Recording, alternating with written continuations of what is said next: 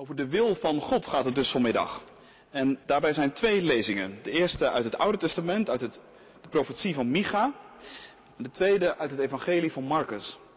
Micha 6, vers 1 tot en met 8, dat is de eerste lezing. Een hartekreet van God in de richting van zijn volk. Hoor toch wat de Heer zegt. Sta op, laat de bergen uw rechtsgeding horen en laat de heuvels uw getuigen zijn. Luister bergen naar het pleidooi van de Heer. Hoor toe, onwrikbare fundamenten van de aarde. De Heer heeft een geschil met zijn volk. Hij klaagt Israël aan.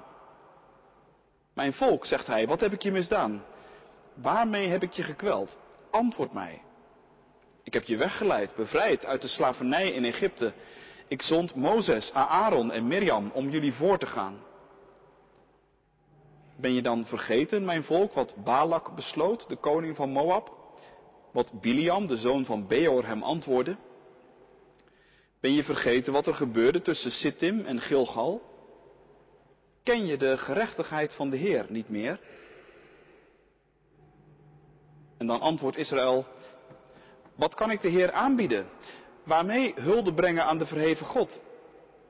Moet ik hem tegemoet treden met brandoffers?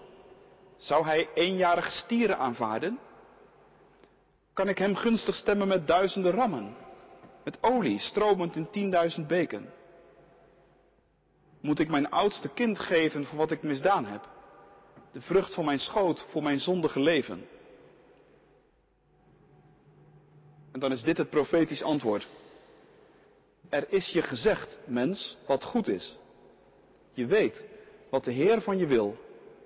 Niets anders dan recht te doen, trouw te betrachten en nederig de weg te gaan van je God. En die weg van je God, het kan niet anders dan dat die weg iets met de weg van Christus te maken heeft. Over de weg van Christus uit Marcus 14. Ze kwamen bij een olijfgaard die Gethsemane heette. En Jezus zei tegen zijn leerlingen, blijven jullie hier zitten terwijl ik ga bidden. Hij nam Petrus, Jacobus en Johannes met zich mee en hij voelde zich onrustig en angstig worden en zei tegen hen, ik voel me dodelijk bedroefd, blijf hier waken. Hij liep nog een stukje verder, liet zich toen op de grond vallen en bad dat dit uur zo mogelijk aan hem voorbij mocht gaan. En hij zei, Abba, vader, voor u is alles mogelijk, neem deze beker van mij weg, maar laat niet gebeuren wat ik wil, maar wat u wilt. Hij liep terug en zag dat zijn leerlingen lagen te slapen. En hij zei tegen Petrus, Simon, slaap je? Kon je dan niet één uur waken? Blijf wakker en bid dat jullie niet in beproeving komen. De geest is wel gewillig, maar het lichaam is zwak. Weer ging hij weg om te bidden, met dezelfde woorden als daarvoor. Toen hij weer terugkwam, lagen ze opnieuw te slapen, want hun ogen vielen steeds dicht en ze wisten niet wat ze hem moesten antwoorden. Toen hij voor de derde maal terugkwam, zei hij tegen hen, liggen jullie nog steeds daar te slapen en te rusten? Het is zover. Het ogenblik is gekomen waarop de mensenzoon wordt uitgeleverd aan zondaars. Sta op, laten we gaan. Kijk, hij die mij uitlevert is al vlakbij.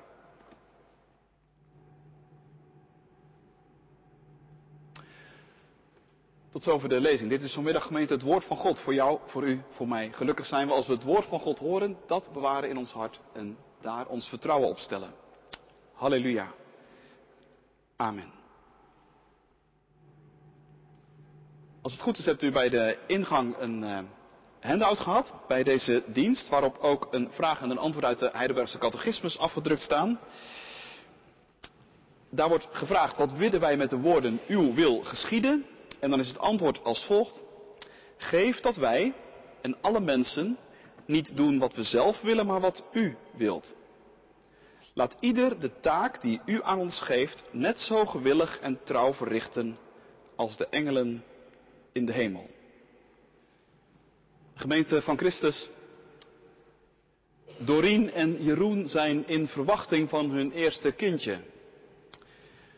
Dolblij natuurlijk, maar niet voor lang, want al snel blijkt dat het niet goed zit.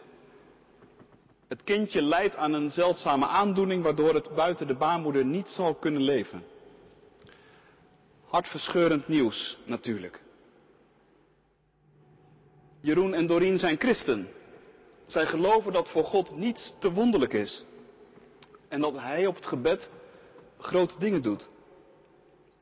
Ze raken dan ook betrokken in een proces van gebedsgenezing. Het gaat er allemaal nogal heftig aan toe. Er wordt geroepen en geschreeuwd tot God en in zijn naam worden zeer krachtige uitspraken gedaan. God wil de dood van jullie kind niet, wordt er gezegd. Luister niet naar artsen die jullie kind voor dood verklaren. Het is genezen. Het zal gezond ter wereld komen. Dorien en Jeroen raken ervan overtuigd en ze bereiden zich voor op de geboorte van een gezond kind. Er wordt grote druk op hen uitgeoefend door de gemeente waar ze zich bij betrokken weten. Want, zo zegt men, het wonder hangt mede af van hun geloof. Als zij ook maar één moment twijfelen, dan zou het wonder wel eens niet kunnen plaatsvinden. En onder grote spanning zien ze de bevalling tegemoet. Die vindt uit voorzorg in het ziekenhuis plaats. En wat blijkt, de artsen hadden toch gelijk. Het kindje is zo gehandicapt dat het niet levensvatbaar is en enkele uren na de geboorte sterft. Een verbijsterende slag natuurlijk. Een aantal jaren geleden werd dit door de EO dringend in beeld gebracht in een documentaire. En ik moest er weer aan denken bij de voorbereiding van deze dienst. Want die documentaire kreeg namelijk de veelzeggende titel mee, Uw wil geschieden. En dat maakt het verhaal natuurlijk nog veel wranger. En de klap voor Dorien en Jeroen nog veel heftiger. Ze waren ervan overtuigd geraakt dat het Gods wil zou zijn, dat hun kind zou leven. Maar het gebeurde niet. En dan is pas echt de grond onder je voeten weggeslagen. Want hoe zit dat dan met de wil van God? Wilde God dan soms een doodkind?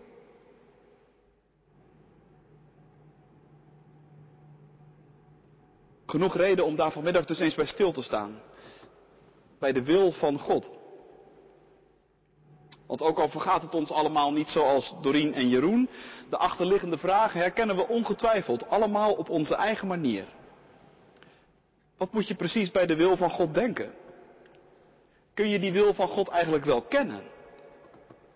En is het verhaal van Dorien en Jeroen niet het duidelijkste bewijs dat het uitermate arrogant en zelfs heel gevaarlijk is om te zeggen dat je de wil van God kent?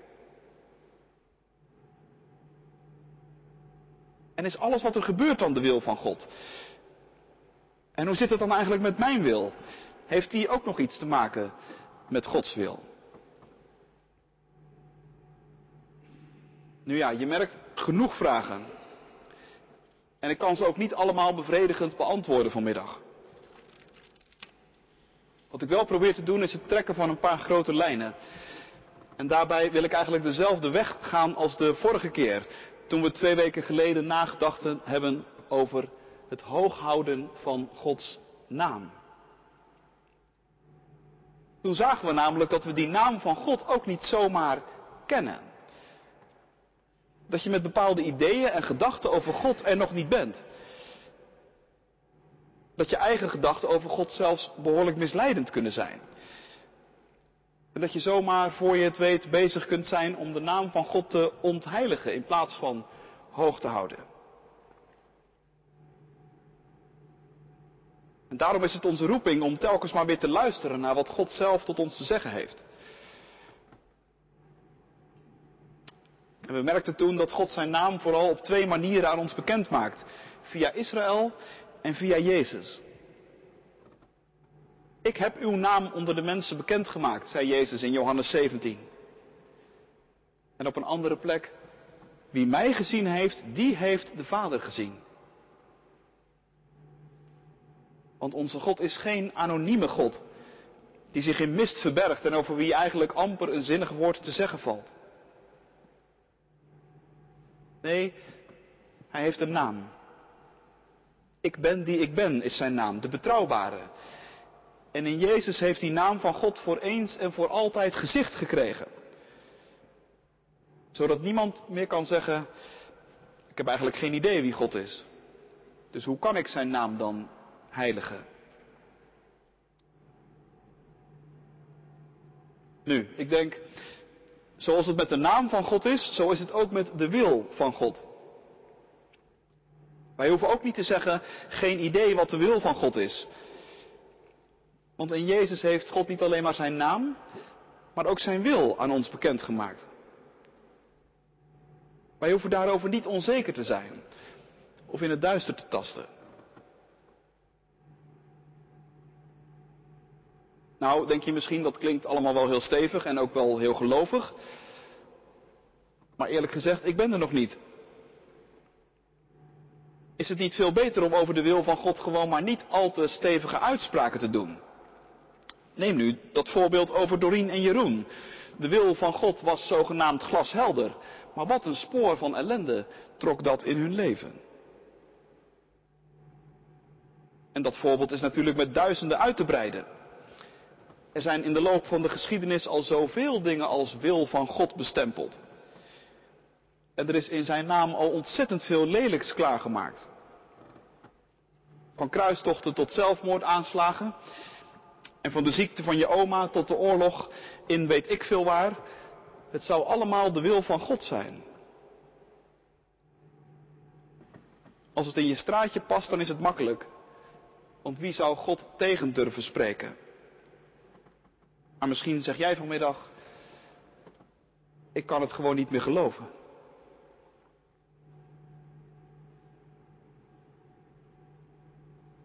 Nu, als je er zo in staat, dan gaat de Bijbel een heel eind met je mee. Er is juist in de Bijbel, vooral in de psalmen, volop ruimte voor de raadselachtige kant van ons leven. En ook voor de klacht. Er is in deze wereld heel veel dat voor ons onbegrijpelijk is. En er zijn genoeg momenten in je leven waarop de wil van God één groot raadsel is. Bijbelschrijvers steken hun vragen wat dat betreft zeker niet onder stoelen of banken. En ze gaan er ook niet van uit dat de wil van God zomaar voor iedereen heel toegankelijk en inzichtelijk is. Zelfs niet voor degenen die dag aan dag met Hem leven. Wat dat betreft is het dus niet zo gek als we over de wil van God een beetje terughoudend spreken. Maar tegelijk, tegelijk is het ook waar dat de Bijbel niet alleen maar stottert als het over de wil van God gaat. Er zijn ook momenten waarop de wil van God voor de Bijbelschrijvers heel duidelijk is. De wil van God wordt bijvoorbeeld duidelijk in zijn geboden. Die in Micha 6 zo kernachtig worden samengevat. De Heer heeft jullie bekendgemaakt, mens, wat goed is. Niks anders dan recht te doen en nederig te wandelen met je God. Daar is niks vaags aan. Het kan aantrekkelijk zijn om jezelf agnost te noemen. Niet weter. Maar voor die positie laat de Bijbel weinig ruimte. Tenminste, niet waar het gaat om een soort makkelijk, prettig agnosme. Dat bestaat ook. Niet weten kan ook heel makkelijk en comfortabel zijn. Want als je iets niet weet, dan kun je er ook niet op worden aangesproken.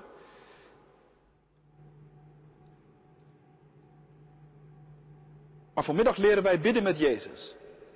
Uw wil geschieden. En dat is helemaal in lijn met wat ik net zei.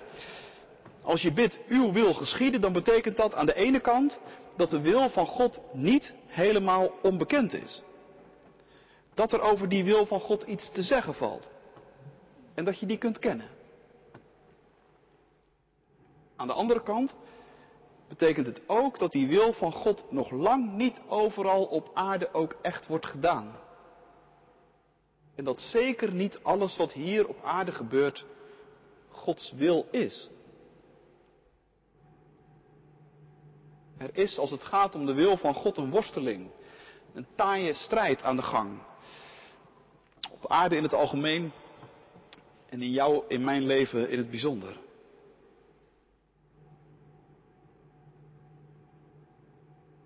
Dus als wij bidden, uw wil geschieden, dan betekent dat, Heere God, maak ons alstublieft duidelijk wat uw wil is. Want er wordt van zoveel dingen beweerd dat het uw wil is. Er zijn zoveel ego's die hun wil met een soort goddelijke saus overgieten en dan hun zin doordrijven. En soms weten we het gewoon niet meer. En denken we, het zal allemaal wel. En daarom bidden we, Heere God, maak ons alstublieft uw wil telkens weer bekend.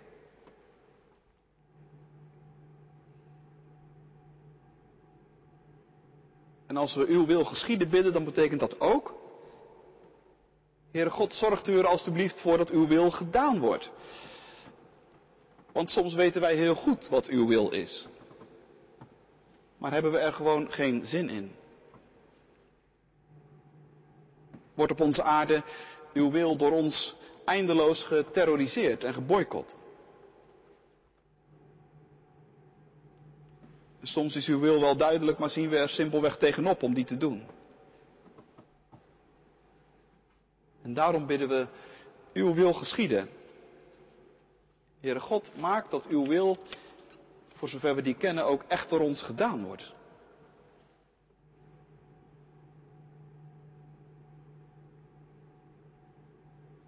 Uw wil geschieden.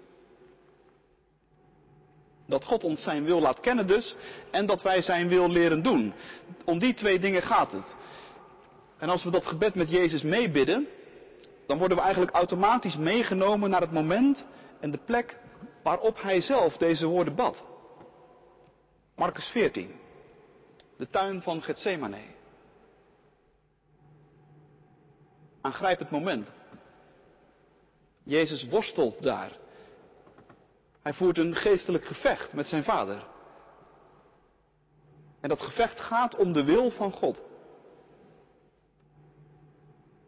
Jezus kent die wil van God. Hij heeft die geleerd, zegt de schrijver van Hebreeën. De wil van God is dat de wereld gered wordt. De wil van God is dat de aarde vol wordt van zijn naam. Dat zijn koninkrijk komt. En dat het kwaad voor eens en voor altijd wordt overwonnen. Dat is Gods wil. God wil niet dat wie dan ook maar verloren gaat. En die wil, die wil is Jezus zeer duidelijk. En het is ook de bedoeling dat die voor ons duidelijk is. Wij hoeven daarover dus niet in onzekerheid te zitten. Zoals we de naam van God in het leven van Jezus uitgetekend zien, zo zien we ook de wil van God in het leven van Jezus uitgetekend. Ik doe niets liever dan de wil van God, zegt Jezus in Johannes 4. Dat is mijn voedsel. Dat is mijn dagelijks brood.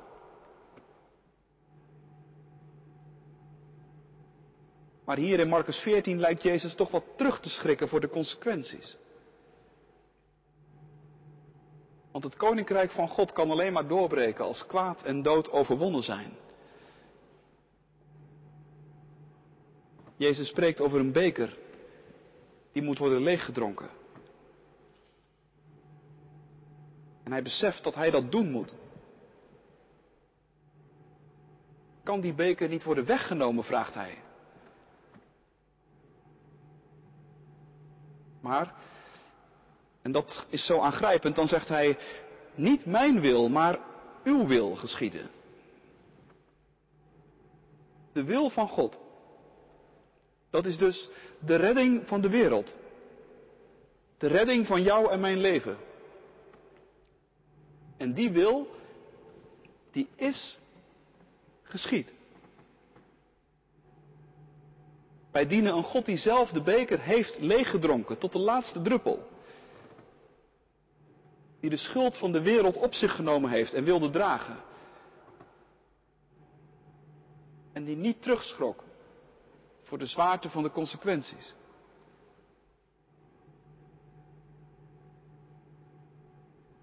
Op grond van die wil, zegt de schrijver van de Hebreeën, zijn wij geheiligd. Voel je? Er komt dus nog een dimensie bij. Uw wil geschieden, dat is in zekere zin al gebeurd. Jezus heeft ons de wil van God bekendgemaakt en hij heeft die wil ook gedaan.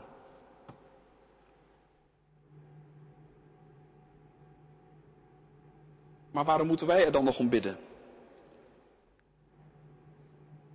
Nou, niet omdat God wispelturig zou zijn, of er een verborgen agenda op zou nahouden.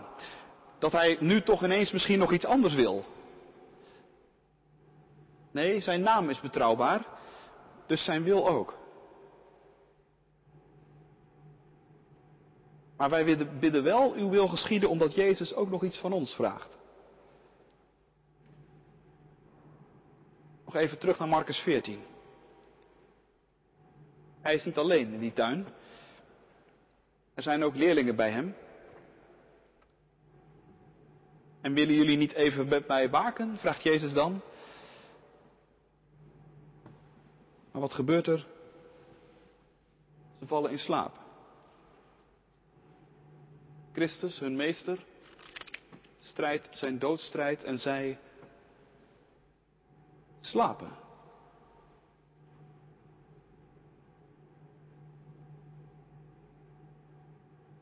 Als ik aan die leerlingen denk, dan denk ik aan mezelf. En dan denk ik aan de kerk. Op heel veel momenten. Christus strijdt voor mij. En ik slaap. Ik kan nog niet eens één uurtje met hem waken. Zo druk ben ik met mijn eigen wil en met mijn eigen dingetjes. Voel je waarom wij bidden, uw wil geschieden? Niet alleen in de hemel, maar ook op de aarde. Ook in ons leven. Staat niet toe, Heer, dat we uw wil nog langer boycotten. Staat niet toe dat we telkens weer worden meegesleurd door de zwaartekracht van onze eigen wil. Geef dat uw wil ook echt in ons leven gebeurt. Dat ons geloof in uw offer niet alleen maar iets is van ons hart of van ons hoofd, maar ook van onze handen en van onze voeten. Geef dat het ons dienstbaar maakt aan u. Maak ons helder en waakzaam zodat we niet in slaap sussen, maar met open ogen door de wereld gaan. Uw toekomst tegemoet.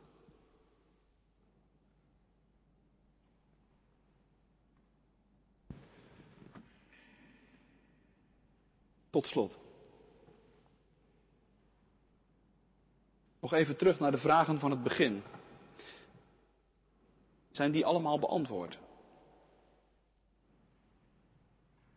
Zijn mensen als Doreen en Jeroen bijvoorbeeld iets verder geholpen? Laten we proberen om een kleine balans op te maken. Kunnen wij bijvoorbeeld de wil van God kennen? Ik zou zeggen ja zeker.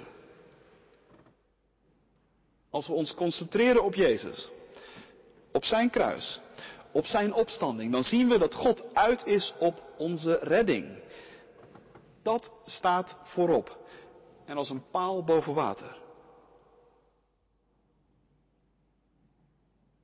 Zijn daarmee alle vragen beantwoord? Zeker niet. Er blijft nog heel veel open. En je kunt je nog steeds gemakkelijk vergalopperen. Er gebeuren heel veel dingen in deze wereld die niet de wil van God zijn. Dat mag ons spreken hierover best heel voorzichtig maken. Bovendien zijn Gods gedachten hoger dan die van ons. Hij gaat de weg van de opstanding via het kruis. Gaat de weg van het leven dwars door de dood. God beware ons dus voor hartverscheurende blunders, zoals in het verhaal van Doreen en Jeroen.